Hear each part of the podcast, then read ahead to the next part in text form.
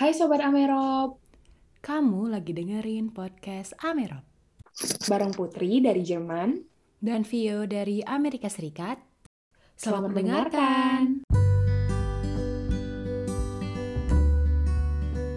Hai Sobat Amerop, ketemu lagi bareng kita, Ada Vio dari Amerika Serikat dan Putri dari Jerman di podcast Amerop edisi Explore the Atlantic. Yeay. Nah, hari ini kita kedatangan tamu spesial nih Put yang kayak bakal seru banget nih yaitu ada Kak Feby Eka Putri yang merupakan ketua PPI Serbia dan juga Kak Hilda Farida yang merupakan ketua PPI Turki dan di episode kali ini mereka akan menjadi narasumber kita di Explore di Atlantic episode 1. Yeay. Yeay.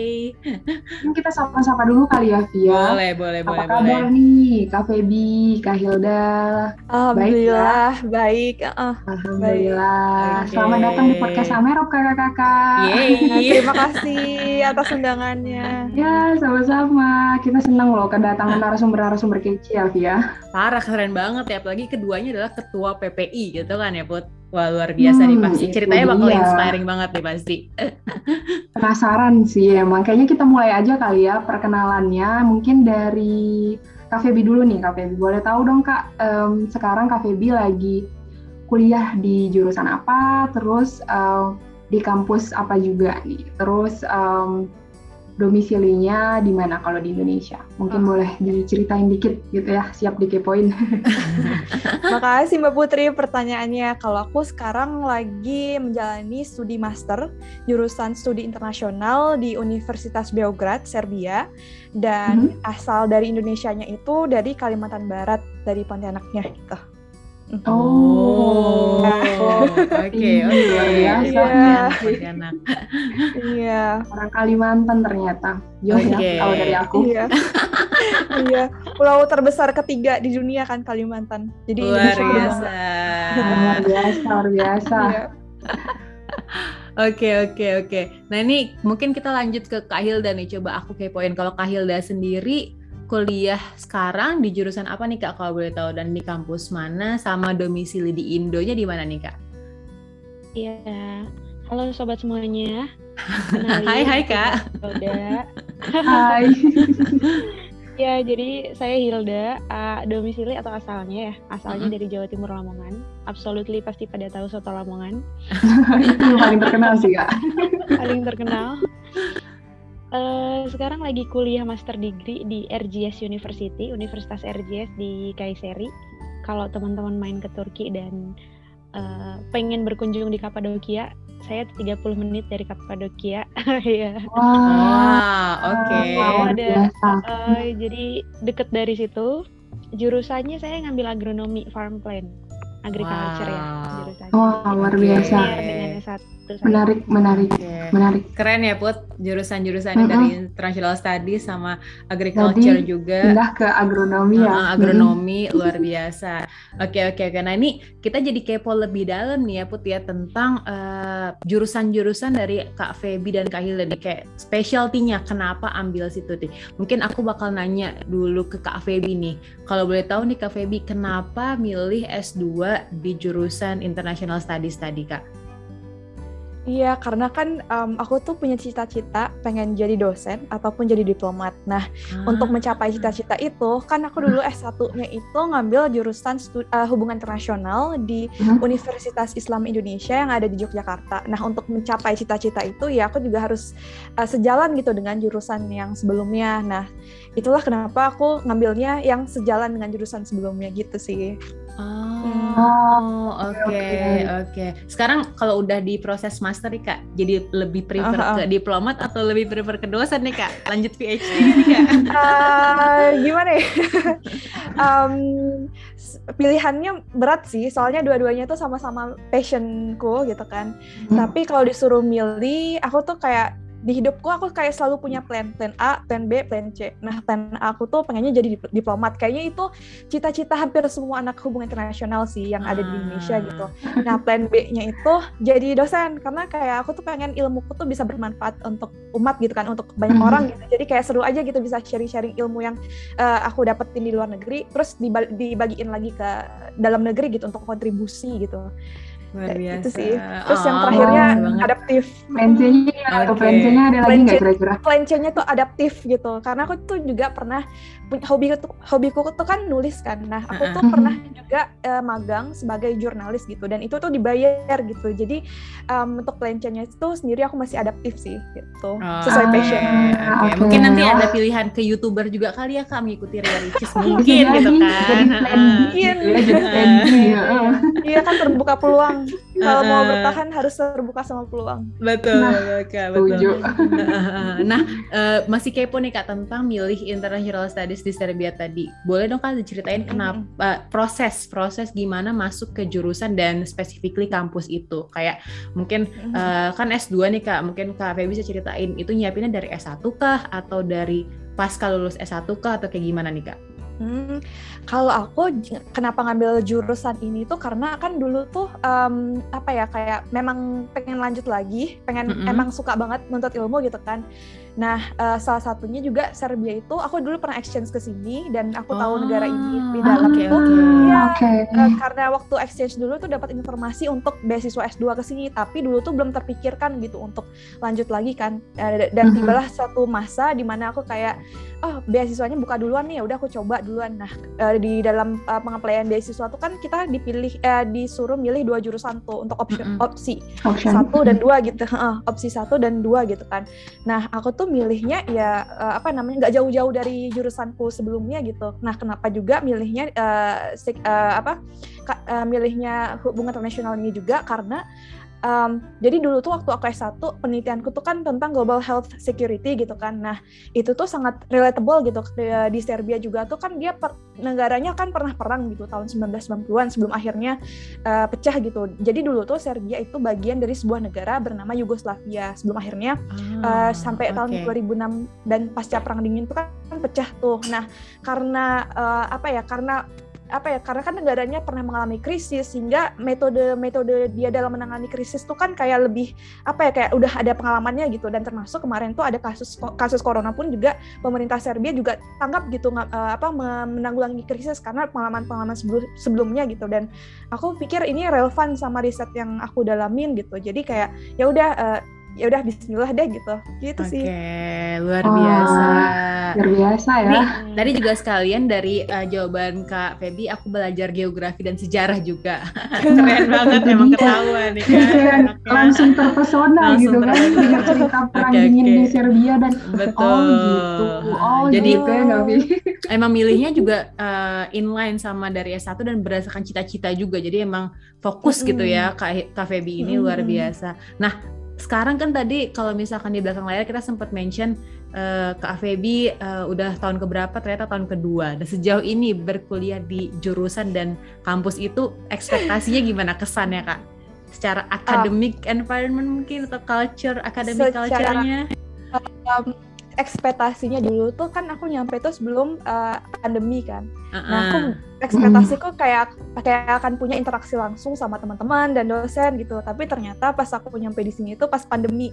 Jadinya aku juga kayak menyesuaikan dengan ritme yang ada gitu. Jadi kayak udahlah gitu. Maksudnya semua kan dialihkan ke online gitu. Termasuk Mm-mm. sampai saat ini juga kan Hmm. uh, proses belajar mengajar tuh dilakukan secara online gitu. Nah, uh, jadi aku kayak kehilangan momen-momen interaksi langsung sama dosen sih. Nah, tapi pun aku juga mengakali itu dengan ya udah aku juga harus berani proaktif gitu. Jadi aku kayak yang harus ngedeketin temanku gitu. Eh, uh, jalan yuk ngopi yuk gitu. Dan aku kan alhamdulillahnya gitu masih ada uh, kayak apa ya kayak minuman-minuman sachet asal Indonesia kopi. Karena orang Mm-mm, Serbia mm-mm. itu sendiri suka kopi kan. Jadinya aku kayak waktu itu beli kopi luwak. Jadi temanku dari Indonesia tuh aku selalu nitip gitu kan. Nitip nitip, nitip dong uh, kopi. Sebenarnya itu bukan buat aku. Tapi ternyata itu tapi ternyata itu uh, apa aku dedikasikan itu untuk teman-teman Serbia. Sekalian promosi juga kan.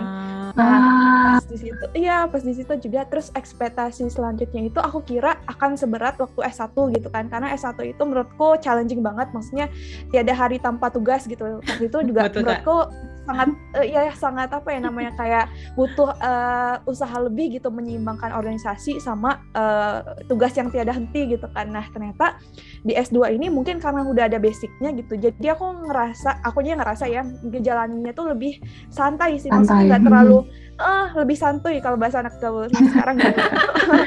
ya, jadi nggak terlalu ada pressure gitu. Nah, ketika aku ngejalannya dengan santai, aku pun jadi happy juga sih ngerjain apa yang aku kerjain gitu gitu. Jadi tanpa ada pressure gitu. Luar biasa. Berarti sesuai sesuai sama Menarik. ini ya, sama sama sama yang di di awal dan mm-hmm. walaupun iya. ya kita masuk ke zaman-zaman Covid tuh ya lulusan-lulusan Zoom University mungkin kan kata orang kita kan ya ada. Tapi iya, alhamdulillah ya, Kak Baby masih bisa gitu kan ya mengakali itu iya. dengan interaksi iya. dengan dosen dan teman-teman juga. Iya, mungkin aku bisa nambahin satu hal salah satu ekspektasi aku tuh uh, apa tadi mau bilangnya bentar. Uh, salah satu ekspektasi aku itu ini uh, kalau di Indonesia tuh kan kalau misalnya apa ada tugas atau ujian gitu itu kan bisa bisa lah sistem kebut semalam gitu. Mm-hmm. Tapi di sini nggak berlaku. Jadi kayak misalnya aku punya uh, ujian tuh Januari tuh. Nah aku biasanya belajar tiga bulan sebelumnya atau misalnya ada paper uh, pokoknya nggak nggak nggak mepet-mepet deadline gitu sih. Jadi kayak udah harus prepare ya. dari awal gitu. Ya. Karena kalau memang deadline nggak akan nggak akan ini nggak akan maksimal gitu sih. Wah luar biasa. Benar benar benar benar. Jadi Setuju jadi insight sih. juga ya buat sobat Amerop untuk belajar bagi waktu dan belajar itu kan membagi menjadi cang-cang kecil lah kayak biar kalau misalkan ditaruh semua di akhir kan ya betul tadi nggak bakal maksimal tugas-tugasnya. Oke oke oke. Nah itu cerita dari Kak Feby Put udah kita kepoin dalam uh -huh. banget tuh dari proses masuk ya. jurusan sampai uh, kesannya berkuliah di jurusan tersebut. Nah mungkin kita lempar ke Kak Hilda Put silahkan Put. uh, iya oke Oke, kita geser aja kali ya, Via. Kayaknya Sobat Amel juga udah pada penasaran. Kak Hilda juga udah nungguin nih. Kapan ya giliran Kak Hilda? Sekarang Kak Hilda. Jadi kita nih dan Sobat Amerop juga penasaran nih, kenapa Kak Hilda tadi milih jurusan uh, agronomi ya? Apakah mungkin S1-nya sama juga jurusannya atau melanjutkan cita-cita dari dulu atau gimana nih Kak? Oke, makasih banyak kesempatannya. Eh, menarik banget tadi dengar ceritanya Kak Feby ya. ya jadi kalau mau jawab tentang alasan kenapa saya memilih jurusan yang sama ya teman-teman sekalian, S1 saya itu membuat uh, saya punya perspektif yang sangat berbeda gitu. Bahwa dan matinya suatu bangsa itu tergantung dari pangannya gitu. Wah, Jadi, betul betul betul. Dimulai dari situ saya merasa bahwa kalau tadi Kak Febi memutuskan buat jadi diplomat ya, mm-hmm. saya pengen jadi saya pengen jadi ini ya praktisi pebisnis pertanian gitu yang memang ah. bisa menguasai. Ah. Ya, ya, ya. Uh, okay. Jadi kalau ngomongin tentang pangan itu kita arahnya kalau saya pribadi pengen arahnya lebih spesifik yaitu bibit gitu karena uh, kalau kita lihat ya teman-teman sekalian pertanian Indonesia itu nggak sustain dan kita itu nggak maju-maju karena kita nggak menguasai bibit kita. Jadi dari tanaman-tanaman semua yang kita makan, padi, jagung, apa pun itu semua semua perusahaan benih itu tuh nggak benar-benar punya Indonesia. Jadi kita itu impor dari Australia, guys. Bibit. Wow.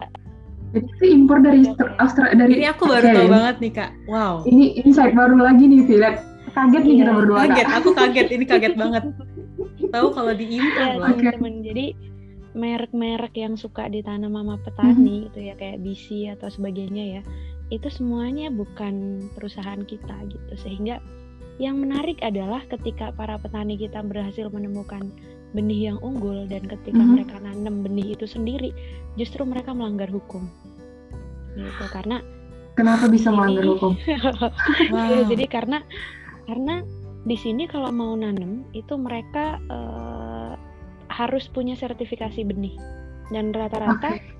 Uh, rata-rata uh, mereka yang berhasil lolos sertifikasi benih ya produk-produk yang perusahaannya itu memang sudah maju dan itu tuh supportingnya dari uh, Australia, Belanda dan sebagainya gitu. Artinya saya mau bilang bahwa pertanian kita lemah banget itu karena kita memang dari awal dari hulu banget kita nggak bahkan nggak boleh dan nggak bisa produksi bibit sendiri gitu. Nah berawal dari situ teman-teman uh, saya pengen banget belajar tentang itu gitu. Makanya uh, riset saya juga tentang bibit ya kalau di S1. Nah uh, ke Turki ini saya ngelihat hal yang menarik gitu. Uh, dan terkonfirmasi ketika saya udah datang ke Turki gitu ya akses ke pangan itu mudah banget. Gitu. Jadi ah. saya nggak ngerasa rugi gitu ngeluarin uang katakanlah 7000 karena kita udah bisa dapat produk-produk pertanian yang berkualitas gitu. Dan ketika kita cross check ya mereka berhasil produksi dengan bibit sendiri itu yang membedakan kita dengan negara lain ya kenapa bahkan sekarang Indonesia itu impor singkong come on kita bahkan impor garam loh guys padahal Wah, laut kita itu banyak gitu jadi Wah. wow. kalau ditanya ya Ah, kenapa saya pengen linear gitu ya karena Mhm. dari S1 saya yang belajar pertanian saya makin tahu tuh bahwa something big wrong happen Mm-mm. di pertanian di kita Indonesia. Mhm, mhm. Kayak gitu. Terus kalau mm-mm. Ya. kalau alasannya kenapa harus ke Turki dan ke kampus itu itu kenapa tuh kak kira-kira? Mm-mm, jadi saya melihat salah satu uh, aspek penting tadi yang udah saya sampaikan ya bahwa uh, Turki ini kalau kita lihat cukup sustain di bidang uh, pangannya terkhusus gandum dan produk-produk uh, susu dan sebagainya gitu. Alasan yang kedua sih sebenarnya karena saya pengen belajar tanaman dengan uh, dengan versi tanaman-tanaman subtropis gitu ya Hmm. tapi nggak yang jauh banget katakanlah eh, perbedaannya dengan tanaman di Indonesia tuh nggak jauh gitu karena Hmm, di hmm, Turki hmm. kita dua benua gitu ada benua Asia dan Eropa Eropa gitu. ya benar. eh, yang kita pelajari itu merepresentasikan juga tanaman-tanaman kita di Indonesia tapi saya juga bisa belajar tanaman-tanaman yang di Eropa gitu sih overall Eh, kalau kita tanya kenapa kemudian memilih pertanian di Turki Mhm. gitu. Wah berarti juga em, linear gitu ya dari S1-nya ke masternya juga yang sekarang. Nah kalau udah tadi kita juga ngobrol di belakang layar nih Sobat Amerop karena Kak Hilda juga udah di tahun terakhir masternya gitu ya. Boleh sedikit flashback nggak nih Kak? Gimana ceritanya dulu em, persiapan atau proses Betul. masuk ke kampus dan jurusan itu tuh? Mm-mm, Hmm, Kak. Oke persiapan ya Mm-mm. Eh, sebenarnya persiapan yang saya lakukan tuh di tahun terakhir ya. Satu tahun terakhir itu saya udah menyiapkan diri untuk untuk lulus ya. Karena saya nggak mau culture shock. Ketika Oh, lulus terus, aduh saya lulus Ya, gitu. ya. nggak mau. Kaget gitu. ternyata saya lulus gitu kan nggak seru banget. Terus baru bingung habis ini ngapain gitu ya. Jadi saya mulai investasi diri itu sejak tahun keempat gitu. Jadi di tahun Nah, keempat oke. saya udah mulai magang di perusahaan benih di Bandung eh, dan itu jadi dasar saya buat bikin tesis. Jadi aku udah prepare sejak satu tahun terakhir untuk bisa kuliah lagi di Mm-mm, luar negeri mm-mm. gitu khususnya. Untuk bisa lanjut. Mm-mm. Eh, bagi saya kampus mana yang saya setuju itu bukan prioritas banget sih. Saya pandangan saya ya tentang pendidikan tuh kalau memang kita belajar dengan serius ya kita bakal dapat banyak ilmu. Gitu. Em, Ya. Mm-mm. Jadi eh, persiapan satu tahun terakhir itu, kemudian eh, temanya udah saya siapkan selaras gitu dengan tema-tema yang mau saya ambil besok buat kuliah S2. Mhm. Eh, ya udah, karena saya memang ngincernya scholarship, jadi persiapan banyak scholarship apa pun saya apply, yang memang relate dengan pertanian gitu. Bahkan katakanlah nih, Indonesia banyak banget eh, eh, impor eh, pangan ya dari negara tetangga Thailand, Filipina bahkan loh, Filipina. Itu saya juga sempat apply gitu. Saya pengen pengen sempat apply gitu karena saya kepo banget ini kenapa sih bisa. Thailand maju banget gitu. Padahal Iya. aku lihat pelajar Sama-sama negara berkembang juga gitu. Kayak Benar. kayak Mm, saya ngelihat mahasiswa Indonesia S1 ya kalau yang kuliah di Indonesia I mean saya nggak tahu ya di luar negeri S1 gimana gitu. mhm. Itu saya ngelihat komparasinya kita tuh S1 belajar tuh serius banget loh. Yang nugas, yang nugas tiap hari praktikum dan sebagainya gitu. Makanya saya penasaran kenapa kita banyak yang lulus puluhan ribu setiap tahun nggak ada banyak perubahan di Indonesia gitu. Makanya eh, akhirnya persiapan saya di tahun terakhir itu untuk itu ya udah eh, saya deketin para profesor-profesor yang memang bisa ngasih saya surat rekomendasi yang ba- bagus gitu. Jadi waktu itu saya sempat magang juga dan part time juga di tahun terakhir saya. Di situ jadi jalan tol sih kalau saya bilang ya. Jalan tol saya punya akses buat dapat recommendation letter dari profesor ternama di bidang di bidang bibit eh, Mhm. bibit yang memang saya pengen itu kan tadi ya. Dari situlah mungkin ya teman-teman takdir saya diterimanya di Turki. gitu. Wah, Luar biasa. Jadi luar emang biasa. mm, luar biasa udah well prepare dari tahun terakhir pas uh, S1 ya Via. Mm-mm. Dan terus gimana nih Kak ceritanya setelah udah keterima di universitas itu dan di negara Turki ternyata gitu ya, negara yang ada unsur Asia dan Asia Eropanya. dan Eropanya, betul. Mm-mm. Gimana tuh kesannya? Sesuai ekspektasi kah? Dengan ya entah itu tentang culture-nya, entah itu tentang kuliahnya juga, sesuai dengan em, ekspektasi yang ada gitu nggak? Ya, jadi jawaban saya nggak jauh beda mungkin ya dengan jawaban Kak Feby gitu. Mhm.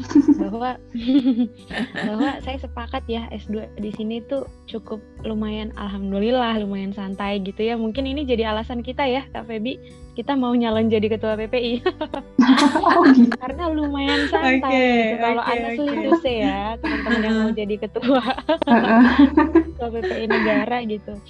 Mm-mm, karena lumayan santai kita udah dilatih sejak eh, S1 gitu. Nah, eh, kemudian kalau ditanya tentang ekspektasi, jawaban saya sebenarnya sesuai ekspektasi gitu. Bahkan saya tuh juga aku juga pengennya kayak gitu ya di S2 ini benar-benar spesifik dan pengennya itu penelitian tuh yang literally sangat sangat serius dan spesifik gitu ya katakanlah udah setahun gitu. Dan saya udah prepare gitu. Penelitian saya butuh 12 bulan ya lebih untuk bisa lulus gitu padahal kita S2 kan dua tahun doang ya tapi nggak apa-apa aku ready dengan itu karena memang pengen serius sih.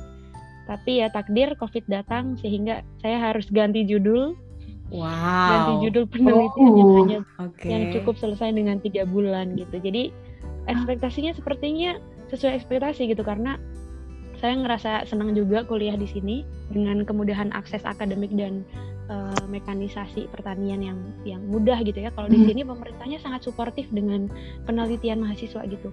Jadi kalau kita mau penelitian dan serius soal itu bakal bakal dibayarin segede mungkin sama pemerintah gitu dan akses untuk itu Ah. sangat mudah. Wow. Sangat bakal mudah gitu tinggal kita mau serius aja gitu ya.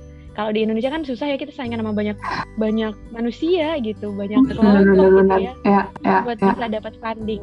Kalau di Turki aksesnya mudah banget karena banyak banget eh, ini ya peluang-peluang kita bisa nawarin nawarin ini riset kita untuk dibiayain Mhm. gitu. Karena Covid datang ya overall kita bersahabat dengan kesulitan yang ada. Jadi kalau ditanya overall gimana rasanya sesuai ekspektasi tapi ya kita sesuai juga dengan kondisi sekarang gitu ya. Ya, Gitu. ya. Gitu deh. Jadi sesuai ekspektasi dengan syarat-syarat dan ketentuan yang berlaku, gitu ya kak ya. Berasa mau dagang ya. Oke, Oke, oke, oke.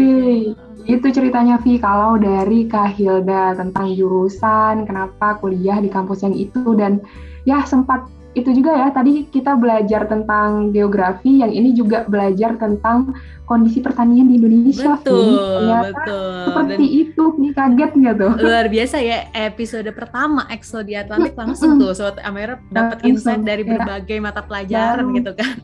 Benar sekali. Oke oke. Jadi emang seseru itu ya Vi obrolan kita nih. Tapi Betul. tenang, abis ini aku yakin bakalan ada yang lebih seru lagi karena kita bakalan ngebahas lebih lanjut gimana cerita pengalaman hidup Kak Feby dan Kak Hilda di Serbia dan Turki. Dan tadi udah cerita tentang pendidikannya ya, kehidupan pendidikan, kampus, jurusan dan lain-lain. Sekarang kita ntar di segmen berikutnya cerita tentang eh, kehidupan ketua PPI yang luar biasa ini di negara mereka masing-masing. Stay tuned. Hai Sobat Amerov, kita lanjut lagi nih bakal menggali lebih dalam pengalaman hidup dari Kak Feby dan Kak Hilda yang tinggal di Serbia dan Turki.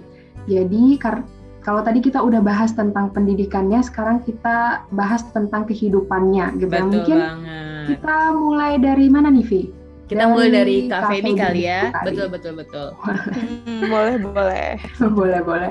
Em, jadi gimana nih Kak? Kenapa mungkin bisa diceritain ke Sobat Amerop dan ke kita juga gitu ya?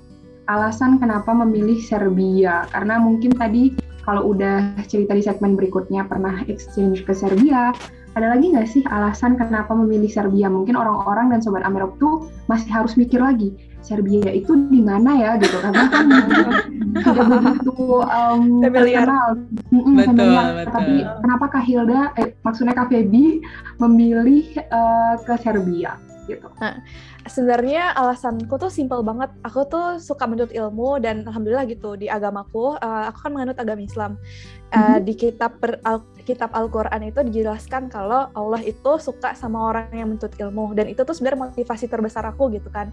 Nah, uh, alhamdulillah juga waktu itu aku sempat exchange ke Serbia sekitar mm -hmm. tahun 2016. Pada saat itu pun aku pribadi nggak tahu tuh Serbia ini negaranya di mana gitu kan. Maksudnya uh, aku pribadi nggak tahu waktu itu harusnya waktu itu aku exchange ke Polandia, namun karena ada berbagai hal, aku jadinya uh, uh, apa dibatalkan di situ akhirnya. Kemudian aku banting setir tuh ke mana ya nah kebetulan temanku baru uh, apa ketua uh, korps mahasiswa hubungan internasional uh, HIUI tahun 2014 itu dia abis exchange tuh dari uh, Serbia gitu pertama tuh awalnya tuh hmm. karena gratis kalau untuk proyek pendidikan ya.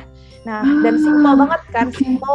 Terus dia ya. juga pas balik dari Serbia tuh menceritakan pengalaman ba baiknya gitu. Terus aku hmm. berpikir, ya udah kenapa aku nggak coba ya ya udah kan uh, akhirnya aku memutuskan untuk coba dan ternyata benar pas aku nyampe di sini tuh segalanya itu kayak berjalan dengan mul aku ngerasanya pada saat itu berjalan dengan mulus-mulus aja gitu uh, pada saat itu pun kayak aku ngerasa aku punya best friend orang Serbia sampai sekarang masih kontak kan bahkan sampai sekarang masih oh. apa ya, berteman baik gitu kan nah aku kehangatan itulah. kehangatan, uh, kehangatan itulah juga salah satu penyebab aku pengen balik lagi tuh ke Serbia juga.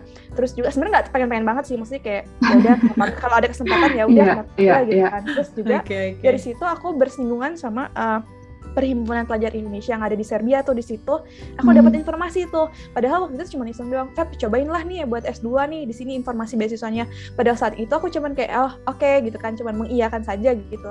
Nah suatu ketika setelah aku lulus dan aku memang niatnya itu kayak ngambil gap year setahun gitu karena kan aku udah merantau itu dari tahun 2011 dan aku lulus itu tahun 2019 dan, dan aku memang sengaja itu niatnya setelah lulus tuh pengen ngambil gap year setahun lah gitu kan. Nah pada saat itu aku balik ke Kalimantan Kalimantan Barat dan di situ bekerja sama di bawah perusahaan ayahku gitu kan. Nah, sambil itu sambil aku juga benar-benar menikmati momen yang ada gitu sambil aku benar-benar quality quality quality time sama uh, keluargaku yang Keluarga. aku hmm.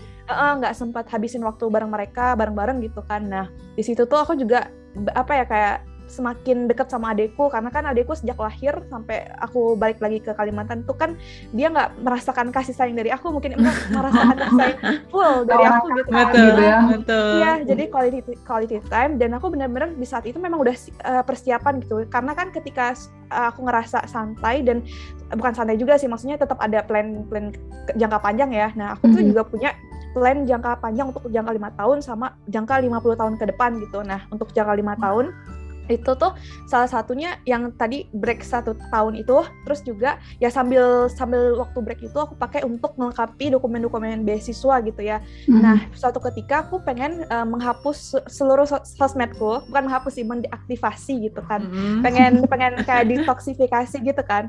Nah kemudian pada saat aku mau mendeaktivasikan sosial mediaku terus di, di situ tuh tiba-tiba ada informasi beasiswa gitu. Terus beasiswa ke Serbia gitu kan. Terus aku kayak pas aku baca-baca aku penasaran aku, aku tuh nggak tahu kenapa jariku langsung klik itu aja terus aku kayak baca loh persyaratannya simpel banget. Nah uh, itu tuh nggak perlu ada surat rekomendasi kan. Jadi kayak aku mau hmm. melengkapi itu kayaknya nggak lama deh nggak nyampe seminggu apa dua, dua minggu kalau nggak salah jadi semuanya walaupun aku kayak ngerjain semuanya tuh kayak double check juga karena kan uh, hal yang paling penting banget untuk apa ya untuk melamar beasiswa tuh harus teliti. Jadi ada temanku dia waktu itu mau ke Inggris apa ya, dia itu uh, udah ha hampir dapat beasiswa tapi dia lupa tanda tangan. Jadi di situ dia gagal kan.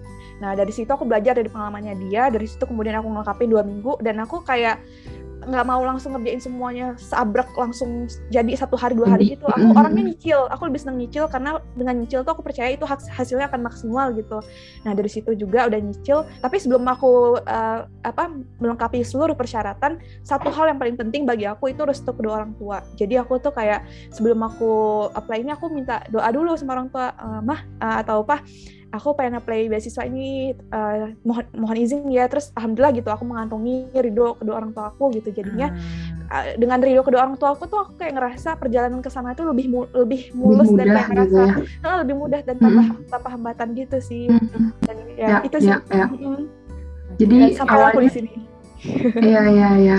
Jadi menarik ya, Vi. Awalnya sebenarnya nggak pengen, tapi kayak uh, Iya. kayak udah ditakdirkan Dan- tahu kak kayak udah diarahkan gitu telunjuknya untuk untuk Iya. padahal mau ngeklik medsos gitu. terus Iya langsung benar benar benar. diklik dulu nih gitu kan cek deh gitu emang udah Iya, dijalan iya, udah iya. dijalankan ke situ Emang udah diarahkan jalannya ini gitu. betul Benar benar benar. betul betul betul Nah setelah ini nih kak setelah uh, memilih Serbia gitu ya pasti kan Mhm, udah mhm. keterima nih lulus gitu ya dapat Mhm. cuman persiapan yang selanjutnya dilakukan kan pasti sebelum berangkat ke Serbia gitu ya. Karena tadi kak Feby juga udah hmm, apa tuh tadi udah stu- student student exchange ke Serbia. Terus uh, persiapan yang untuk masternya ini gimana tuh? Penuh persiapan atau emang udah oh udah tahu nih apa yang harus dilakukan apa yang harus dibawa gimana persiapan menghadapi musim dingin dan lain-lain gitu? Udah well prepare atau gimana tuh ceritanya Iya sih, karena pengalaman exchange sebelum uh, sebelum sebelumnya itu kayak ngebantu aku untuk uh, uh, apa? Jadi sebelum S1 karena memang aku punya tujuan untuk luar negeri, jadi itu aku aktif untuk berkontribusi ke masyarakat gitu. Jadi nggak cuman uh, apa seba- uh, sebagai sukarelawan di desa ngajar bahasa Inggris ataupun uh, kontribusi waktu itu kerja sama sama Korea Selatan ngebangun uh, community development gitu kan kayak apa ya? Peng- apa peng- pengembangan masyarakat gitu di Wow. desa di Bantul gitu juga kan. Nah itu juga aku udah kerja sama sama Korea Selatan dan eh, apa ya waktu S1 dulu tuh cukup, cukup lumayan banyak gitu ya international exposure-nya gitu. Jadi aku pas eh, mau pas aku tahu aku mau lanjut lagi ke luar S2 eh, di Eropa gitu, aku jadi udah nggak kaget lagi karena udah pernah merasakan pengalaman-pengalaman eh, exchange sebelumnya gitu. Jadi itu sangat membantu sih. Maksudnya eh, keaktifan di masa lalu waktu S1 dulu sangat membantu Hmm. gitu untuk menunjang ke sininya. Jadi itu ketika aku melis tuh bahan barang-barang apa aja yang aku harus bawa ke Serbia tuh aku udah tahu gitu tanpa harus eh, searching-searching di Google gitu. Oh, aku butuhnya misalnya rice cooker mini atau eh, atau iya benar kan orang Indonesia makannya nasi kan. nasi Nggak betul nggak kalau betul nggak makan nasi Iya. Mm. terus ya pakaian-pakaian musim dingin gitu aku nggak terlalu banyak bawa banyak sih dan alhamdulillah gitu ya di sini tuh kayak aku punya teman-teman tuh baik banget jadi aku kayak apa ya jaket musim dingin atau apa tuh biasanya dikasih dari teman-temanku gitu maksudnya kayak Mm, mm, yang mm, itu mm. masih bagus banget gitu dan aku kayak "Ah, terima kasih gitu harus beli lagi gitu ya iya harus Betul, beli lagi gitu Oh, Wah, iya iya iya. Wah, menarik menarik menarik. Jadi karena udah punya beberapa pengalaman exchange ke negara-negara lain, jadi nggak kaget ya. Jadi yang kayak udah, oh hmm. Ini yang mau dibawa udah well prepare. Itu Vi cerita Hmm. dari Cafe B Vi. betul Sekarang seru banget seru banget seru banget mungkin kita mm-mm, tanya ke Kak Hilda yang kayaknya ceritanya nggak kalah seru nih Vi. Gimana tuh Vi? Boleh banget, pastinya nih udah penasaran banget nih aku juga sama Kak Hilda nih Kak.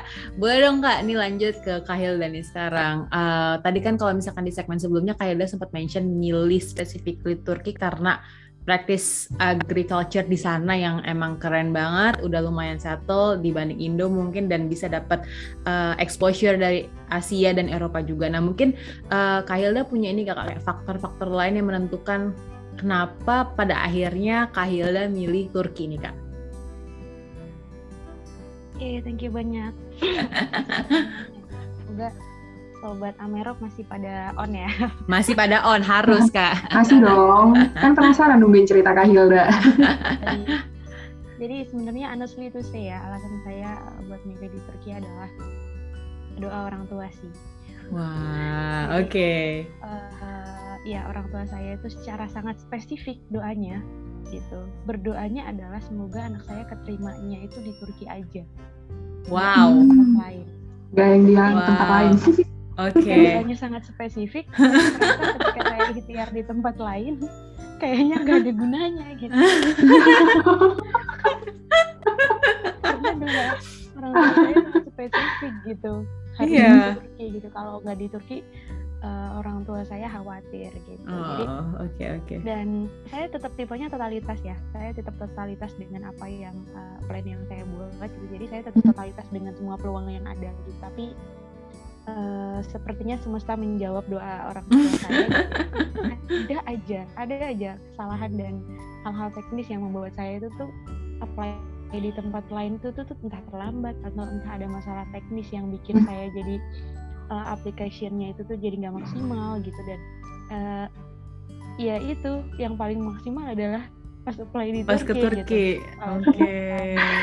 Ya, berarti emang gitu ya. Restu orang tua Hmm. ya. Eh, bawah Mm-mm. sadar saya udah kayak baik sepertinya ini efek orang tua nih Oke. alasan yang kedua adalah saya merasa itu sih eh, saya ngerasa aman juga ya I feel safe Mm-mm. gitu kalau kuliah di Mm. Turki gitu karena seperti yang kita tahu semuanya ya eh, Turki dengan sejarah peradaban Islamnya dan Muhammad Al Fatihnya dan Ya. eh, Osmaniyahnya gitu ya Hmm. dan Erdogannya Erdogannya gitu ya itu eh, sangat dicintai oleh orang- orang-orang Indonesia gitu ya. Sehingga eh, ya saya merasa bahwa kalau saya di sana juga sesuatu yang baik insya Allah gitu. Walaupun terakhir ya teman-teman eh, tetap aja ya di doa saya adalah semoga Allah tempatkan saya di tempat yang memang saya jadi bisa dekat dengan Allah gitu Hmm, Dan, luar ya biasa. semoga aja ya dengan Amin, saya amin, Kak. makin Ya. Ya. Amin. Amin, amin, Nggak salah amin. tujuan gitu. Oke oke oke sama seperti doaku juga kak di sini biar tetap didekatkan nggak salah tujuan jadinya kan anak Aduh, US kan ujiannya makin banyak nih Kak. makin banyak makin godaannya kan kak Ujiannya. Aduh.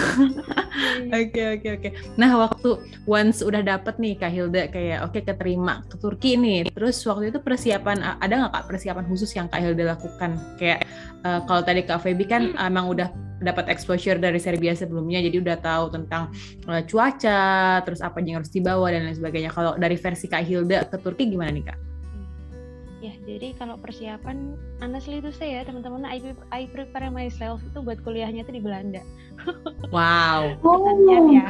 Oke. Ternyata itu. itu tuh ke spill Belanda ternyata. Karena kalau pertanian kan memang yang paling bagus di Belanda ya dan justru profesor yang udah saya siapkan di tahun terakhir saya adalah profesor dari Belanda gitu. Ah. nggak ada buat Turkinya gitu ya. Cuma Oke. tadi karena ada jalur jalan tol ke langit ya dua dua baiklah ya udah gitu ya jadi kalau ditanya tentang persiapan apa yang udah saya siapkan sebelum ke Turki gitu aku nggak prepare apa pun gitu bahkan Ah. saya nggak ngerti cara menyapa orang Turki dengan kata merhaba itu apa sih merhaba gitu kalau sekarang kan semua orang udah familiar dengan kata merhaba itu halo Heeh, gitu. Heeh, heeh. Iya, Saya bahkan iya, nggak tahu iya. merhaba itu apa gitu bahkan ya dulu belum yang gimana gimana gitu saya nggak persiapan apa pun intinya ya Hmm.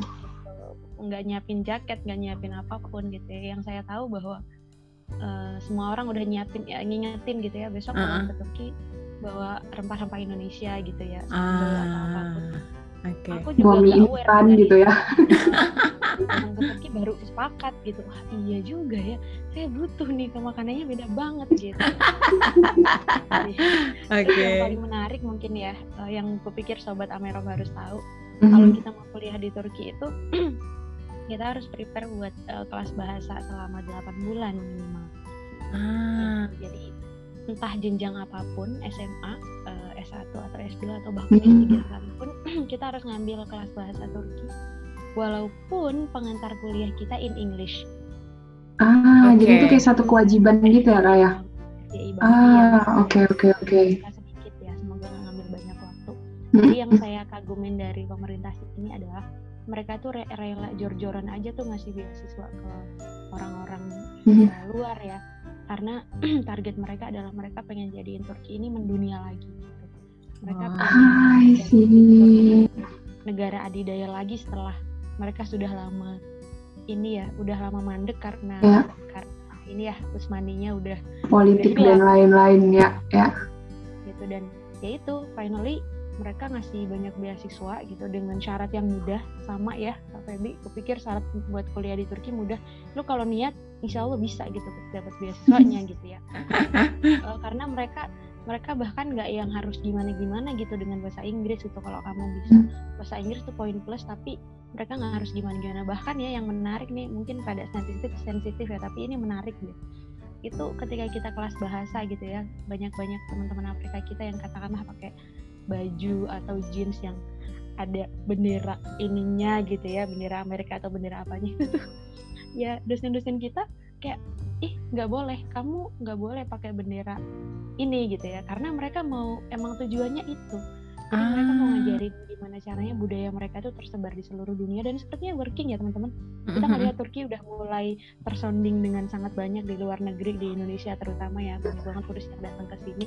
Sepertinya itu working gitu dengan mereka ngasih banyak peluang pelajar buat kuliah di sini budaya mereka jadi makin tersebar lagi gitu ya. Mm -mm, mm -mm. Itu sih kalau kalau ngomongin tentang menariknya Turki gitu ya. Bahkan di sini saya bisa bilang hampir setiap toko ya. Katakanlah kalau teman-teman datang ke Istanbul tuh datang ke toko-toko kayak Malioboro kalau di Jogja, itu hampir setiap toko tuh di atasnya bendera bendera Wah. Turki gitu. Yang Hmm. nggak dapet itu di di mana-mana ya. Kita bahkan Agustusan aja ya teman-teman Agustusan aja bendera-bendera yang kita pakai plastik itu jatuh di tanah pun itu bukan masalah dan kita nggak ngerasa harus aware dengan itu ya. Betul, benar betul. benar benar. tanah atau di comberan gitu ya ya udah sih Hmm. itu kan mainan. Enggak. Di sini serius banget soal identitas negara gitu. Jadi itu kalau ngelihat bendera jatuh ke bawah harus segera diambil. Kalau enggak itu menjadi masalah yang besar gitu ya. Karena itu Hmm. identitas identitas identitas banget dan mereka memang sangat bagus nasionalismenya gitu. Itu yang itu yang bikin aku jadi makin mempengaruhi perasaan saya ya saya ngerasa mantep gitu dengan kuliah di sini oh sepertinya kayak memang harus di dikuatkan nih nasionalismenya gitu ya Oke, oke. gitu. Ya, ya. Oke. Nah salah satu Wow. bentuk penguatan nasionalisme Kak Hiles yaitu salah satunya menjabat sebagai ketua PPI Turki tadi kali ya Put. Ya demi Jalan gitu ya. Demi Indonesia. Oke, oke, oke. Nah. Hmm, Ya. Jadi tadi aku sempat kepo nih Kak Hilda juga sempat spill eh, waktu menjawab pertanyaannya tentang eh, orang-orang sebelum berangkat udah bilang kalau bawa rempah-rempah Indo dan lain sebagainya. Nah, ini aku mau nanya dulu ke Kak Hilda deh baru nanti eh, eh, Putri lanjut ke Kak Feby. Buat Kak Hilda nih Kak, boleh diceritain nggak Kak spill sedikit tentang teknis eh, hidup di Turki sendiri atau di Istanbul sendiri? Kayak misalkan kan eh, Kak Hilda ini kan funded by scholarship gitu ya kayak apakah kalau misalkan kita bilang secara gambaran kasarnya nih eh, pengeluaran per bulannya mencukupi dari eh, biaya dari scholarship itu atau emang harus tambahan atau gimana nih Kak? Dan biasanya porsi dari 100% pengeluaran itu eh, kalau kita ngomongin teknis nih buat South America juga biar kebayang yang mau ke Turki. Biasanya habis berapa persen berapa persen nih Kak buat kayak apartemen atau dorm atau makan dan lain sebagainya nih Kak? Oke, secara singkat saya bisa bilang, oh ya mungkin ini tergantung beasiswanya ya. Kalau saya Mm-mm, beasiswanya itu Turki Bursary, Turki Turki Bursary Scholarship gitu.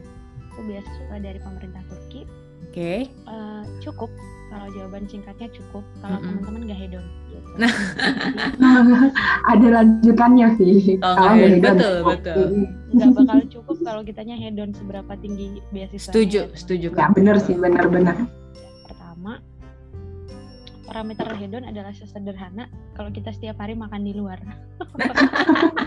Benar Kak, benar. Itu hedon, itu clearly Kalau hedon. kita setiap hari makan di luar dan katakanlah kita oke paling minimal makan dua kali sehari gitu ya itu kalau di luar terus ya yang nggak bakal cukup gitu jadi Mm-mm. tetap harus ada masak-masak sendirinya gitu terus kalau katakanlah buat eh, apartemen dan sebagainya menurut aku aku bisa bilang di sini murah sih Oke. gitu. Karena katakanlah nih eh, kita dengan uang sejuta itu kita udah bisa dapat satu kamar.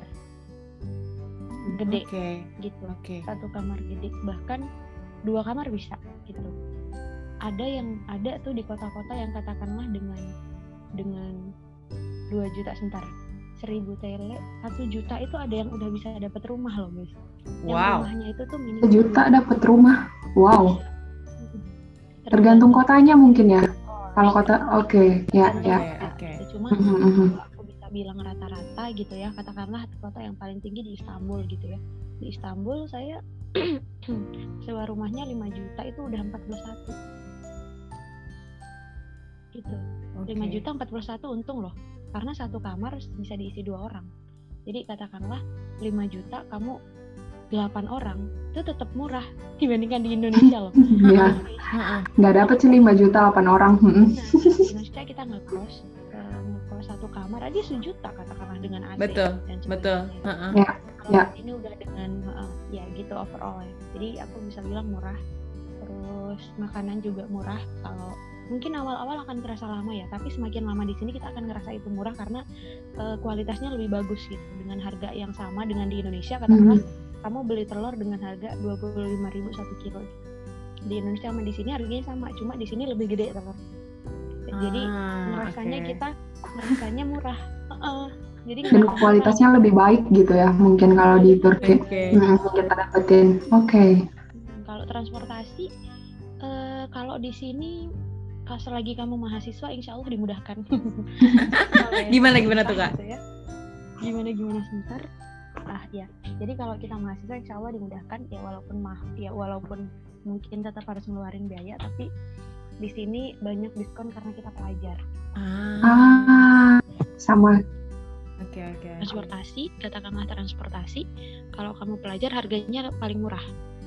Satu kali Oh. ngetap dan semuanya harus ini ya digitalisasi ya pakai kartu. Hmm. gitu. Heeh, heeh. Hmm, pakai apa pun pakai kartu semuanya terintegrasi di satu sistem itu katakanlah kalau kamu bayar buat bayar ini ya resident permit pun itu akan lebih murah karena kita mahasiswa gitu. Dan yang paling Oh, menarik mungkin ya yang paling menarik mungkin ya karena ini uh, negara muslim gitu ya itu masyarakatnya itu tuh hmm, gimana ya pemerintah itu banyak mensupport uh, mahasiswa yang memang kita itu termasuk di golongan orang-orang musafir musafir. Musafir tuh bahasa Indonesia kan ya ya?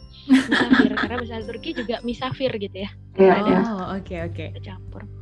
Ya karena kita foreigner gitu eh, mereka punya banyak layanan kepada para foreigner gitu karena mereka menganut itu ya. Artinya kita adalah orang yang berjihad visabilillah gitu. Hmm, sehingga Berjuang menuntut ilmu gitu ya. betul menuntut ilmu. Sehingga banyak banget layanan buat para foreigner. Katakanlah kemarin covid itu kita tenang gitu. Jadi setiap rumah itu dapat kiriman paket satu kardus gitu dari dari Oh. pemerintah gitu, Oh, gratis. Isinya bahan makanan atau apa bahan makanan dan kita tinggal Ah. ngisi aja ngisi form aja nggak yang ribet-ribet gitu. Hmm, Karena- hmm, hmm. ya dengan tagline kamu tidak sendirian gitu. Ah, Heeh, I see, gitu. atau katakanlah kalian kalau belanja gitu ya halo gitu Abi. Belanja ini harganya sepuluh ribu. Come on kita foreigner oke kamu foreigner baik saya turunkan jadi 8 ribu come on kita student oke karena kamu student jadi lima ribu gitu jadi Wah, Wah, eh, bisa lah kayak gitu di sini nggak nggak mungkin bisa tuh nggak di Amerika. Ya. impossible nggak nggak pasti nggak mungkin juga di sini. Gitu Wow, mungkin dapat betul potongan harga. itu kan Hmm, value value ini ya value value muslim ya di Iya mana betul betul. mengamalkan sunnah gitu ya kalau Mm-mm. kita tamu kita termasuk tamu ya kita Hmm. bukan orang Turki gitu Hmm. sehingga ya kebijakannya itu ramah lingkungan mahasiswa lah ya. Iya, iya, iya. Oke. Walaupun Paham, ini ya mungkin informasi penting yang perlu saya sampaikan, ini harga kuliah di Turki lagi naik di tahun ini.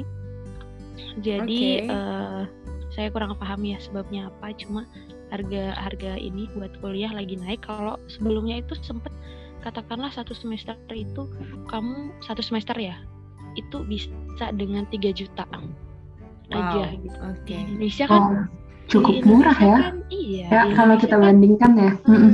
itu eh, apa sih bahasanya? Itu strata satu ya. Itu bayarnya minimal 7 juta kan ya kalau semester semester Sekitar gitu sekitar ya. segitu kak. Ah, betul betul. 5 sampai 7 ya. 5 sampai 7 kan gitu. Di sini Benar. bisa 3 juta sebelumnya gitu ya. Tapi kemarin sempat naik tapi setiap kampus berbeda-beda. Saya kurang update ya.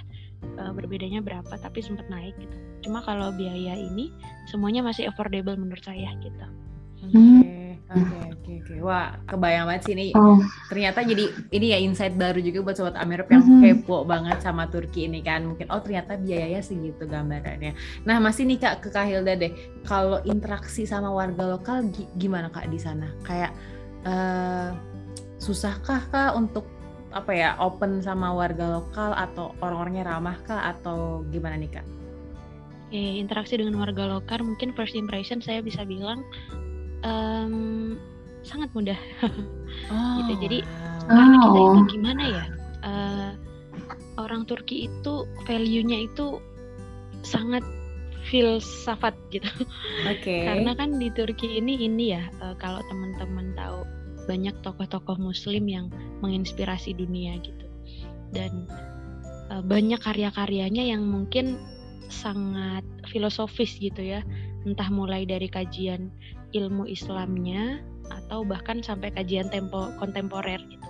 Nah, ini ngaruh kepada pola pikir pola pikir pola pikir masyarakat Turki secara umum gitu ya bahwa eh, kita itu sama-sama saudara karena kamu muslim gitu. Ah. Beruntunglah kamu muslim sehingga kamu saudara sama kita gitu. Oke. Jadi value-nya sangat tinggi. Selagi kita orang muslim, mereka akan ya otomatis kita sama gitu.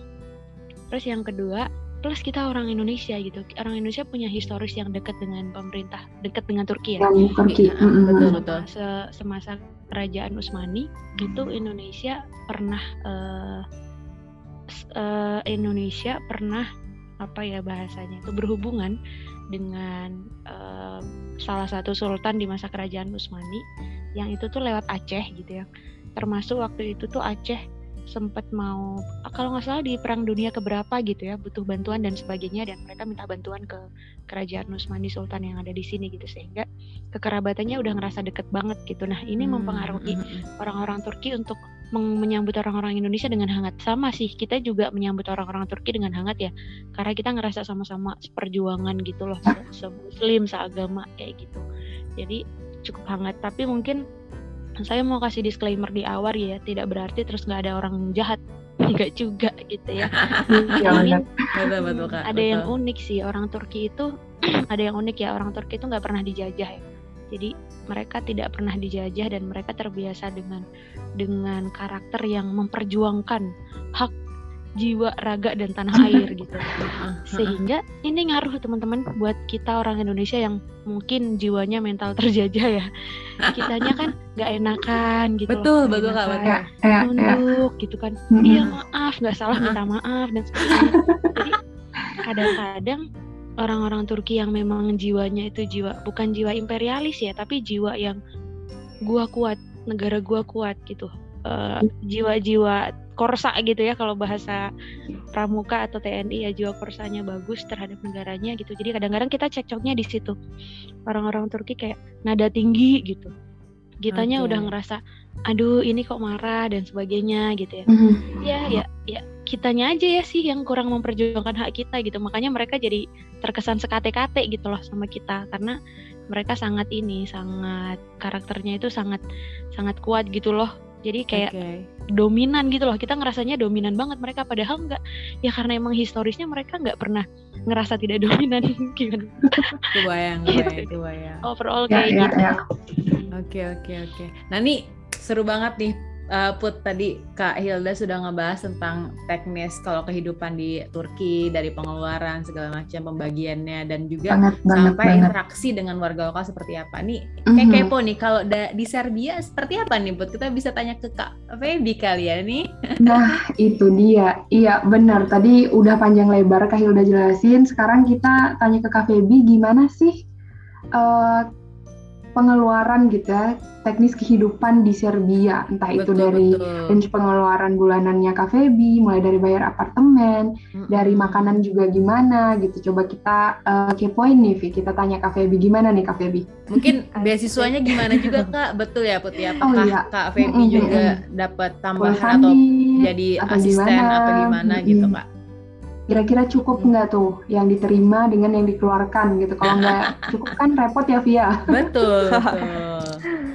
Iya, kalau aku alhamdulillah gitu eh, beasiswa yang diberikan sama pemerintah eh, Serbia itu cukup ya karena kan alhamdulillahnya selama di sini tuh pemerintah Serbia tuh menanggung seluruh biaya gitu. Jadi kayak mulai dari eh, tempat tinggal eh, itu tinggalnya di asrama itu bareng sama teman-teman internasional dari eh, berbagai negara gitu. Ada dari Palestina, ada dari Mesir, ada dari Amerika Latin. Terus juga bahkan roommateku sendiri itu orang dari Suriname yang mana neneknya itu orang Jawa. Jadi dia itu ngerti bahasa Jawa Oh. sedikit. Ya, Wow. dan alhamdulillah roommateku juga seagama gitu. Jadi kadang kita sholat bareng, puasa bareng dan lain-lain gitu ya. Oh, Terus menarik, juga, menarik, menarik. ah, Mhm. Dan di asrama juga tuh disediain makan tiga kali sehari dan makanan itu lengkap. Jadi ada salad, ada makanan utama, Mhm. terus juga apa lagi ya macam-macam sih ada juga kayak berarti. ah, dessertnya juga ada kayak cupcake Wow. gitu kan cuman kalau Wah. makan makan aku agak sedikit picky gitu karena aku nggak makan daging yang nggak nggak halal gitu karena bagi aku Ah, ah, kehal- ah, ah. kan aku muslim kan jadi bagi aku kehal kehalalan itu penting jadi nggak cuman serta merta oh itu hanya karena itu ayam ataupun itu daging sapi ya kalau aku Bisa sangat amat picky gitu. ah, kalau aku Mm-mm, sangat picky aku harus tahu nih apakah ini berlabel halal apa enggak soalnya kan Mhm. di Eropa khususnya di Serbia ya itu tuh susah banget nyari daging halal gitu maksudnya ada tapi tuh itu harus apa ya kayak jauh nyarinya gitu kan. Dan alhamdulillah gitu untuk kalau dulu ya tapi kalau yang sekarang tuh uh, daging halal tuh kayak ayam itu masih bisa ditemukan di supermarket. Namanya Maxi kayak kalau di Indonesia tuh kayak Super Indo gitu kan. Ah nah oke oke oke. iya walaupun makan disediain di asrama uh, sebenarnya basically uang uang jajan yang dikasih uang sama pemerintah Serbia itu menurut aku cukup lebih cukup banget gitu. Soalnya bagi aku pun pengeluaran itu atau cukup apa tidaknya itu tergantung gaya hidup ya. Nah kalau bagi aku benar, sendiri benar, cukup. Benar. Uh, dan kadang pun kalau misalnya kadang bosen sama makanan asrama itu aku kadang juga atau rindu gitu ya disebutnya rindu deh rindu sama makanan Indonesia ya aku kadang masak sendiri juga. Kebetulan temanku yang roommateku itu satu selera gitu kan karena dia lidahnya tuh udah Asia banget kan. Ah. Kadang masak uh, jadi kalau ditanya uh, uh, kalau apa range harga makan mungkin li lebih ke makan di luar kali ya kalau misalnya itu sekitar 500 uh, Serbian dinar. Jadi di Serbia tuh pakainya dinar. Kalau sebenarnya itu unik sih karena kan kalau dinar itu kan kayak ngambil dari bahasa Arab ya. Din ya. itu kan artinya hmm. agama, dinar itu kan artinya neraka. Jadi kalau misalnya hmm. pinter-pinter manage uang ya akan selamat, kalau enggak ya kalau enggak ya bahaya gitu ya. Nah, dan satu Serbian dinar itu murah 140 cuman kalau uh, untuk range pengeluaran itu gede gitu jadi kayak misalnya kalau sekali makan tuh paling murah tuh 500 dinar itu bisa kayak 4 euroan gitu sih. Tapi oh, uh, okay. berdasarkan pengalaman teman-teman juga itu kalau Serbia tuh kayak untuk ukuran Eropa tuh termasuk yang murah gitu. Biaya hidupnya kurang lebih Jakarta. Dan aku pribadi walaupun aku uh, tinggalnya di asrama, tapi aku juga punya teman-teman yang uh, di sini tuh nyewa apartemen gitu dan itu kalau nggak hmm. salah paling murahnya itu 350 euro gitu. Dan kalau untuk pengeluaran sebulannya hmm. tuh kalau nggak salah dia cerita tuh habisnya sekitar 8 sampai 10 jutaan gitu. Itu apartemen sama makan dan listrik kayak gitu sih. Gitu oh, dan jadi, uh, sama seperti Mbak Hilda tadi dan uh, kayaknya beruntung sih status student uh, menjadi student di gitu ya di Eropa khususnya gitu kan. Uh, karena di sini juga pun dapat diskon kalau misalnya transportasi tuh kalau misalnya mau naik bis tuh. Emang yang paling murah itu student gitu. Jadi uh, kalau misalnya uh, apa kayak umum itu harus bayarnya 3000 dinar per bulan gitu. Nah, kalau mahasiswa itu atau student gitu itu cuman bis, cuman bayarnya 1000 dinar 1100-an dinar gitu. Which is itu kalau dirupiahin sekitar 160 ribuan tapi itu udah unlimited, bebas mau wow, di tap okay, kapan pun okay. gitu. Jadi mau pergi apa pun udah nggak udah nggak uh, apa udah nggak khawatir. Gak harus ya. Uh, kebetulan kalau uh, apa ya namanya uh, waktu itu saya juga pernah tuh ke Istanbul gitu dan itu setiap uh, transportasi itu kan harus ngetap tuh. Nah kalau di sini itu kalau udah kita pakai per bulan itu cukup sekali ngetap. Ya udah nanti di sana kalau jadi, jadi nanti sistemnya tuh kita kejujuran gitu. Ada yang ngetap ada yang enggak gitu kan. Ah. kalau kita udah pakai uh, kalau udah pakai per bulan kan itu udah aman tuh. Nah biasanya uh, kalau naik bis tuh suka ada namanya controller. Controller hmm. tuh orang yang udah ngetap kartu apa belum gitu kan. Yeah. nah belum ngetap tuh biasanya didenda sekitar 5.000 dinaran gitu. Kalau 5.000 dinaran tuh kayaknya sekitar 800 ribuan lah gitu ya. Mm -hmm. uh, dan alhamdulillah sih aku juga uh, baru pulang nih dari luar kota gitu. Baru banget hari ini itu dengan memanfaatkan status student itu dapat 30% diskon uh, apa tiket bis gitu buat oh, transportasi. Iya, mm. itu juga berlaku ah. untuk uh, ke museum dan lain-lain gitu. Gitu sih. Wah, ternyata status student di mana-mana emang spesial ya, Betul. mulai dari potongan harga tiket, harga transportasi umum, uh -uh. dan mungkin lain-lain gitu dan juga ya dan KVB juga tinggal di asrama gitu ya, jadi mm -hmm. mungkin sewa ya, um, apartemennya juga lebih murah gitu. Uh, dan nah, makan juga sih, kan mm -mm. lumayan banget ya, gitu dapet, Kak. Mm -mm. Dan iya, sebenarnya nggak repot masak ya Via. Uh -uh. Aduh aku jadi sirik banget apa ini sama Kak Baby jadi pengen sana. Aduh kalau di sini Kak dapat dormitory uh, dengan meal plan kayak gitu wah itu nggak tahu deh berapa ribu dolar tuh itu luksus banget ada udah luksus banget itu itu wah nggak tahu lagi ini keren banget ya. emang bisa jadi keren, insight keren. juga ya jadi, ya buat sobat Amerop yang pengen ke Serbia mm -hmm. nih gitu jadi nggak repot masak. Masak kalau pengen rendang aja ya Via ya kalau Via. Iya. Ya tapi sayangnya di sini nggak ada restoran Indonesia. Jadi kalau misalnya kangen ah, makanan Indonesia nggak okay. nggak uh, nggak sebanyak di Turki gitu ataupun di Amerika ataupun di Jerman ya di sini nggak ada restoran Indonesia. Jadi kalaupun mau uh, kangen makanan Indonesia kangen banget itu either nungguin acara di KBRI atau masak sendiri antara dua itu atau hmm. di, diundang sama masyarakat Indonesia yang ada di Serbia gitu. Ah. Antara tiga itu sih pilihannya. Okay, okay. Ya ya ya pilih yang nomor tiga sih, tinggal numpang makan aja di Iya, orang-orang gitu. setuju setuju setuju tuh. Ah, seru seru seru. favorit tuh Mm-mm. Eh, terus gimana nih? Em, kan tadi udah cerita tentang biaya hidup dan lain-lain. Tadi aku ingat cerita Kak Feby di segmen sebe- sebelumnya yang bawa kopi dari Indonesia tapi bukan buat Kak Feby sendiri dan dibagi-bagiin ke orang-orang. Apakah Betul, betul. ini, saya, eh, Vi, ini merupakan salah satu cara Kak Feby PDKT atau adaptasi dengan warga lokal atau gimana nih? Gimana sebenarnya sehari-harinya Kak Feby berinteraksi dengan eh, warga lokal sekitar gitu? Baikkah Uh, uh, uh. masyarakatnya atau gimana tuh? Betul, betul. Kalau bagiku tuh orang Serbia tuh sebenarnya kalau kita interaksi sama orang tuh tergantung gimana pembawaan kitanya sih. Kalau misalnya kita uh, berusaha untuk ramah gitu, untuk kayak uh, apa ya kayak dengan tulus kita kayak oh kita pengen pengen nye- nyenengin hati orang gitu.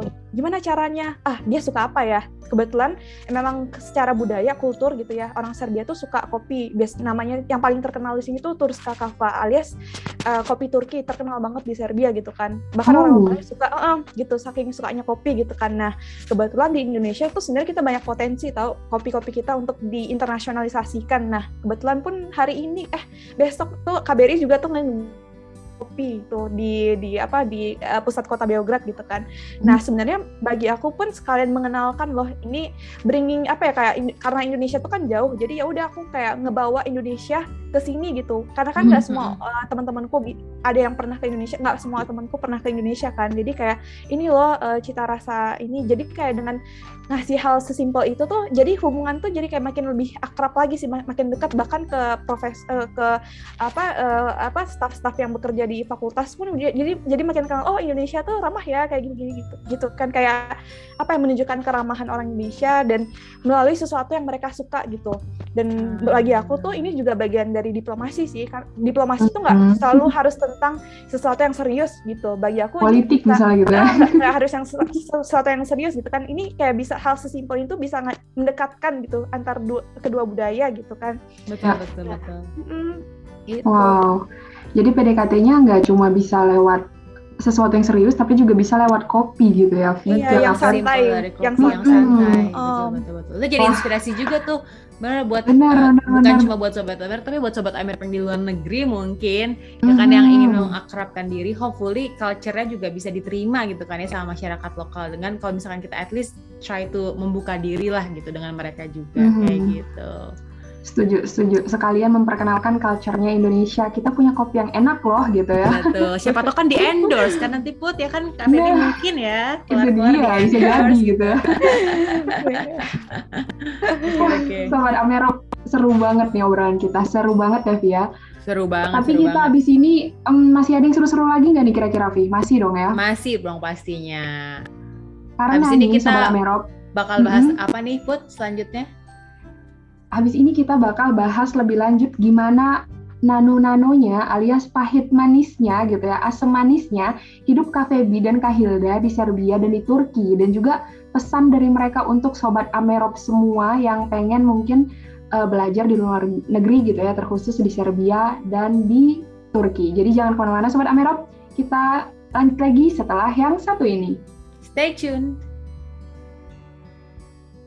Hai Sobat Amerop, balik lagi bareng kita berdua di Explore the Atlantic dan karena tadi kita udah ceritain banyak ya Via Betul tentang betul betul. dua narasumber kita yang luar biasa. Nah, di segmen ini nih kita bakalan eh, minta ceritain gitu ya sama Kak Feby dan Kak Hilda hmm, tentang pengalaman hidup mereka nih, nano-nanonya gitu ya. Dan mungkin kita ke Kak Feby dulu, kalau boleh di-highlight nih Kak, secara singkat gitu ya.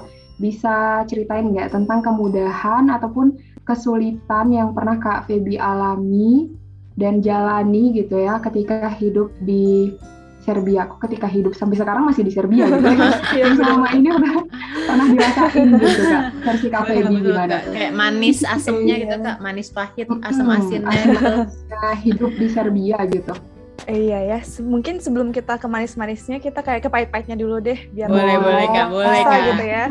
Iya, jadi kalau misalnya yang kesusahan di sini itu nyari tempat buat sholat karena di sini itu kan negaranya bukan negara muslim gitu. Mhm. Jadi um, masjid aja tuh bisa dihitung jari gitu. Jadinya kalau misalnya mau sholat, jadinya di sini tuh aku belajar untuk jaga wudhu dan juga kalau mau sholat tuh aku bisa memanfaatkan kayak ruangan. Kadang tuh aku ke mall itu cuman ke uh, fitting room toko toko baju gitu kan, cuman untuk numpang sholat doang gitu. Jadi kayak di sini tuh harus pinter-pinter uh, apa ya kayak menjaga wudhu juga, terus komunikasi. Jadi kan nggak semua orang dan orang Serbia tuh kan nggak semuanya tahu kalau di uh, uh, apa muslim itu harus beribadah lima Oh, waktu gitu lima kan. waktu Betul. gitu ya. Ah, Mm-mm. sholat lima waktu gitu kan.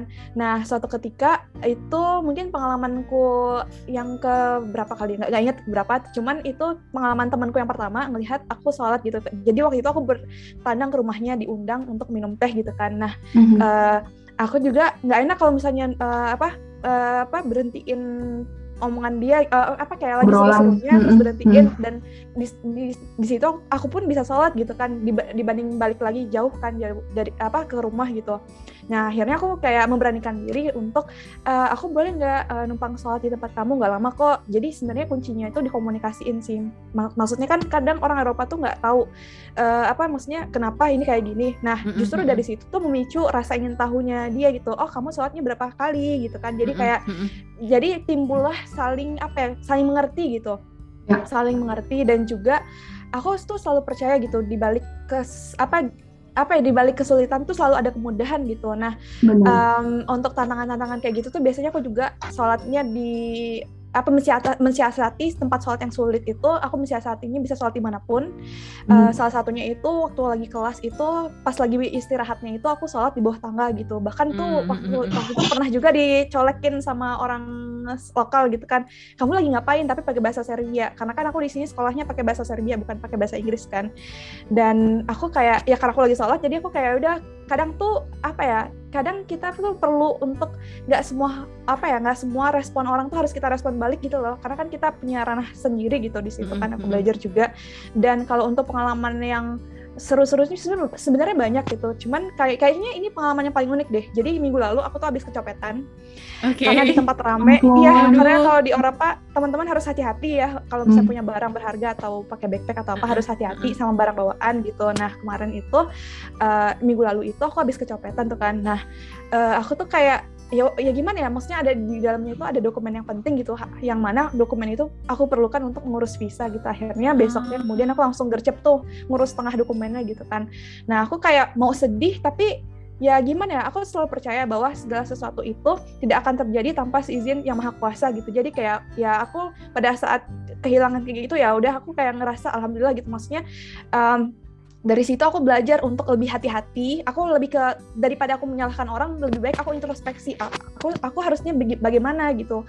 Jadinya aku kayak oh mungkin ke depannya harus hati-hati. Terus ya awal aku udah di titik, di titik yang kayak udahlah mungkin nggak akan kembali lagi nih dompetnya gitu kan.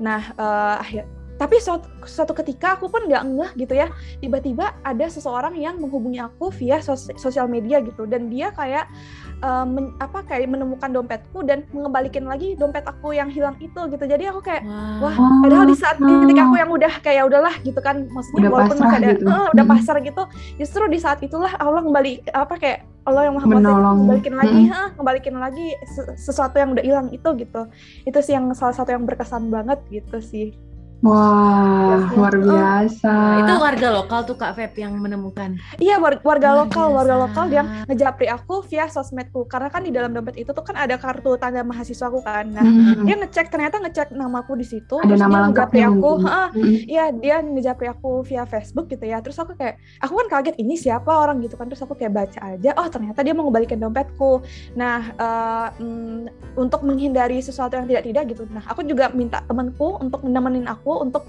bertemu sama orang yang ngembalikin dompetku takutnya di Eropa eh, takutnya terjadi penipuan atau gimana gimana jadi untuk Iya, berhati-hati aja.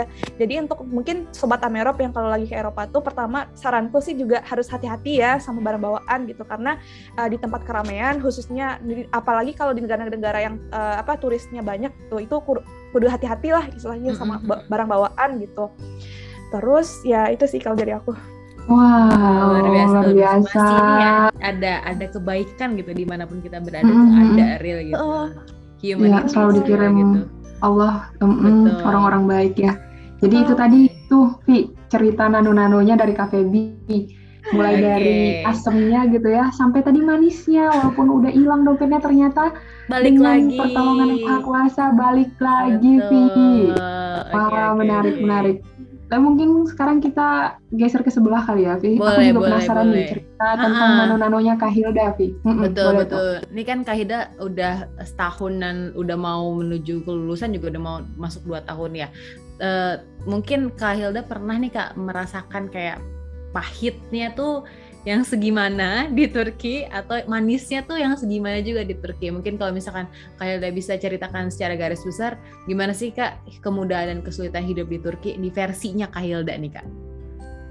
Oke, baik, makasih banyak eh, atas pertanyaannya. Jadi kalau versi aku ya, versi aku pribadi, aku jawab dengan versi rada logis dulu ya, Kak. pendekatan logis dulu. Jadi yang pertama eh, kesulitan dan kemudahan. Kesulitan yang pertama sih absolutely bahasa ya. Bahasa Turki itu campuran dari banyak bahasa. Jadi dia bahasa Turki itu lahir dari bahasa Persia, ditambah bahasa Arab, ditambah bahasa Turki sendiri, ditambah bahasa Armenia, macem-macem gitu. Sehingga Waduh, Banyak campurannya, banyak Kak. campuran ya. grammarnya itu grammarnya itu tuh macem-macem gitu basis basis bahasanya itu tuh macem-macem ya. Jadi bahkan ada yang datang dari bahasa Rusia juga karena kan ada tetangga juga ya gitu.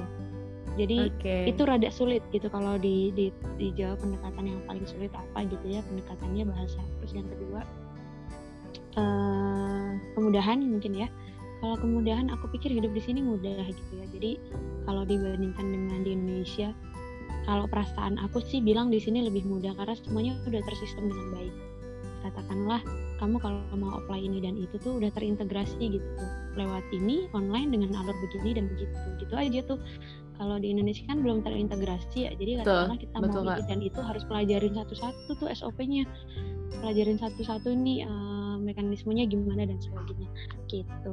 Terus kalau perasaan ya tentang hal yang sulit dan yang mudah tentang perasaan aku ya yang sulit adalah ya kita jauh dari orang tua gitu.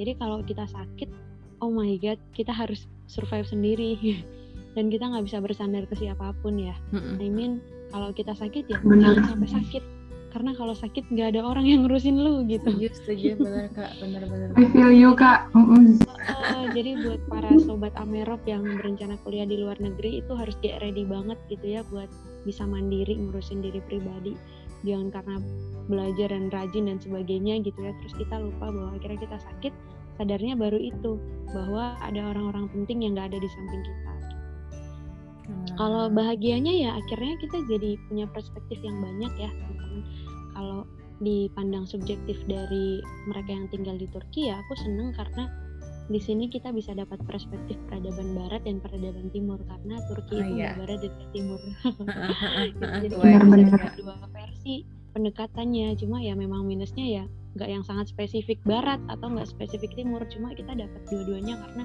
karena ini tadi ya di Turki itu dua benua dengan lalu lintas peradaban barat dan timur yang padat gitu deh gitu kali ya jawaban aku luar biasa ya. Ini emang jawaban dari kedua ketua PPI kita luar biasa banget ya bu. Luar biasa dari sih. versinya. Yang mm, Hmm, sangat-sangat apa ya bisa pokoknya kita bisa ambil hikmahnya mau yang pahit pun kita bisa ambil hikmahnya dari yang tadi versi Benar, Kak Debbie, on pengalaman benar. pribadi dan tadi juga eh, pengalamannya Kak Hilda seperti apa hidup di Turki dan juga Kak Feby di Serbia jadi mungkin buat sobat Amero semoga ini ya bisa diambil intisarinya jadi nggak cuma yang manis-manisnya pasti ada yang mungkin ditampilkan sama sejuta umat kalau lihat di luar negeri di Instagram feed mereka atau di Twitter segala macam.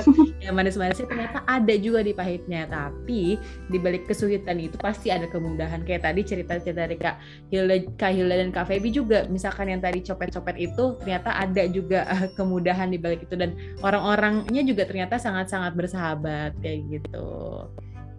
Lempar lagi nih ke Putri, lanjut Put.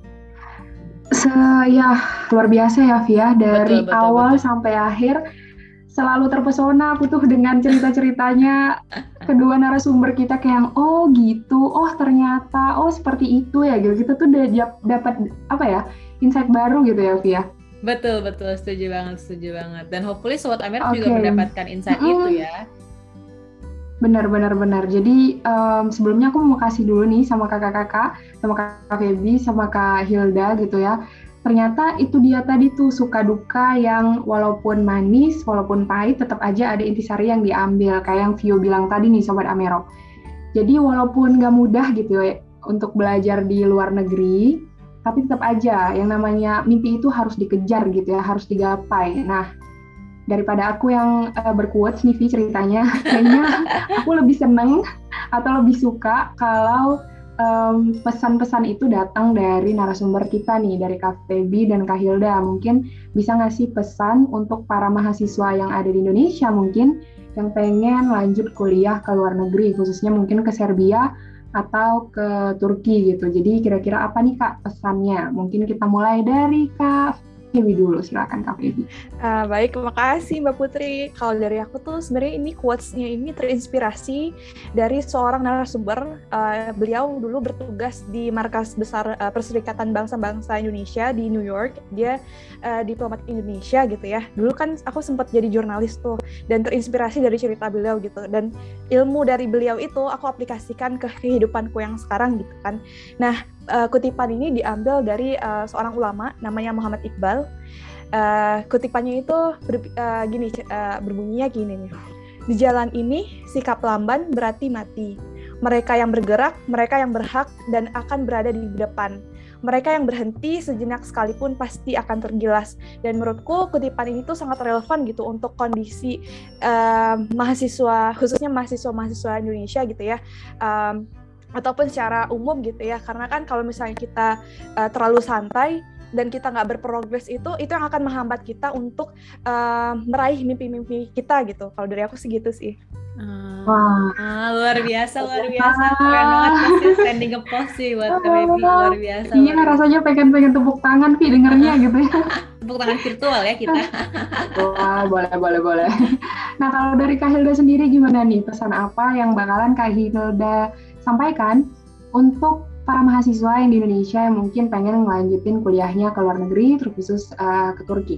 Ayo. Ya, thank you. Ya, jadi uh, saya pengen boleh request dua pesan ya. jadi boleh, saya boleh. Pengen, pengen berpesan untuk pelajar diaspora yang bakal balik ke Indonesia dan saya juga pengen berpesan buat pelajar Indonesia yang bakal keluar negeri gitu. Mungkin yang pertama dulu kali ya buat para pelajar Indonesia yang pengen uh, kuliah di luar negeri. Uh, satu pesan aku sih uh, jadi jangan judge hari-hari kamu dengan berapa banyak buah yang udah kamu panen tapi judge hari-hari kamu dengan berapa banyak benih yang udah kamu tanam. Pertanian banget ya. Jadi, itu bisa ini sih bisa luar biasa. untuk hidup ya, biasa. ya bisa uh-huh. untuk hidup tuh luar biasa setuju. Ya. setuju setuju. Uh, jadi kita kadang-kadang tuh ngejudge ya hari-hari kita dengan aduh hari ini gue dapat apa nih? gitu. Hari ini aku berhasil berhasil dapat nilai berapa? gitu. Atau hari ini aku berhasil ngumpulin cuan berapa? gitu. Atau hari ini aku berhasil ngapain aja gitu. Jangan jangan judge hari-hari kamu dengan kamu udah dapat apa tapi judge hari-hari kamu dengan berapa banyak investasi yang udah kamu kasih buat diri kamu sendiri buat orang-orang yang kamu cintai buat keluarga kamu gitu. Jadi hari ini udah berapa kelas yang kita hadiri hari ini udah dengerin berapa podcast manfaat yang siap kita uh, praktekkan nanti yang mungkin kita nggak bakal tahu tuh sekarang itu ada manfaatnya apa enggak teman-teman dengerin podcast ini. Bisa jadi lewat aja gitu. Tapi kadang-kadang kita ngerasa itu tuh manfaat. 10 tahun lagi atau lima tahun lagi oh iya aku waktu itu inget nih kata Kak Vio dan kata Kak Putri gitu dan kata Kak Febi dulu pernah ngomong kayak gini aku baru dapat maksudnya sekarang gitu. Jadi kadang-kadang kita baru ngerasa kita itu tuh bisa manen kalau kitanya itu tuh udah nanem gitu. Jadi jangan lupa menanam sebanyak-banyaknya aja. Nanam ini maksud maksudnya banyak ya. Whether teman-teman menanam waktu atau menanam ilmu menanam cinta menanam kasih sayang ke orang-orang terdekat kita semuanya gitu jadi jangan ngerasa buang-buang waktu kalau kita menghadiri forum-forum yang mungkin hasilnya belum kelihatan sekarang. Jadi Betul, betul. ngeblur banget sih gue ikut ini dan itu nggak ada hasilnya. Kan nggak ada hasilnya. Belum. Belum. Pasti di waktu kita proses untuk bertumbuh gitu. Dan kalau tiba-tiba jadi buah kan nggak seru.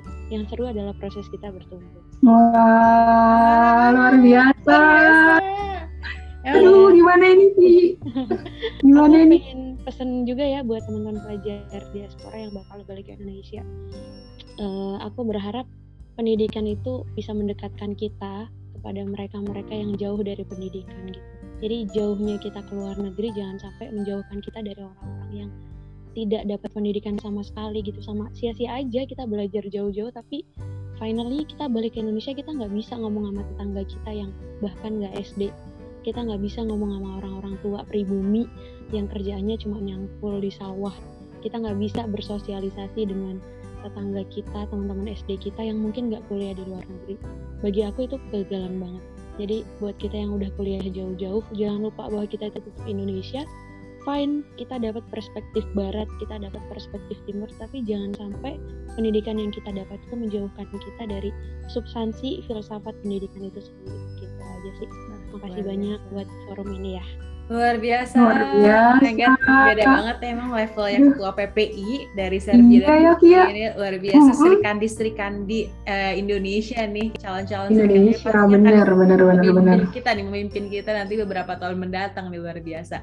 Amin, amin, amin, ya robbal alamin. Hopefully Mm-mm. nah, pesan-pesan tadi eh, bisa terpatri gitu ya di hati teman-teman semua. Mungkin sobat Amerop yang lagi di Indo dan pengen ke luar negeri dan juga mungkin sobat Amerop yang eh, lagi di luar negeri mungkin biar lebih semangat lagi kuliahnya. Aku juga lebih semangat lagi, Putri juga semua Bener. lebih semangat lagi juga eh, hopefully bisa pulang dan nanti berbakti buat Indonesia kayak gitu. Setuju. Jadi pesan ini nggak hanya ditujukan untuk Sobat Amerop, tapi juga podcasternya Amerop, hostnya Amerop gitu ya. Karena dari sini kita berdua juga belajar banyak hal ya Via. Jadi Betul kita banget. berharap podcast ini juga bermanfaat untuk uh, Sobat Amerop dan kita semua. Jadi sekali lagi aku pengen makasih banyak untuk Sobat Amerop yang udah dengerin podcast Amerop episode uh, ini gitu ya, Explore the Atlantic episode kali ini. Dan kita berdua juga pengen ngucapin terima kasih banyak khususnya buat Kak Feby dan Kak Hilda yang udah nemenin Vio dan Putri di podcast edisi Explore di Atlantik di episode kali ini. Dan eh, terakhir, we are signing out. Sampai ketemu di episode berikutnya. Sekian episode podcast Amerop kali ini. Terima kasih udah dengerin podcast Amerop bareng kita. Jangan lupa dengerin terus podcast Amerop. Setiap Sabtu eksklusif hanya di Spotify. Bye. Bye.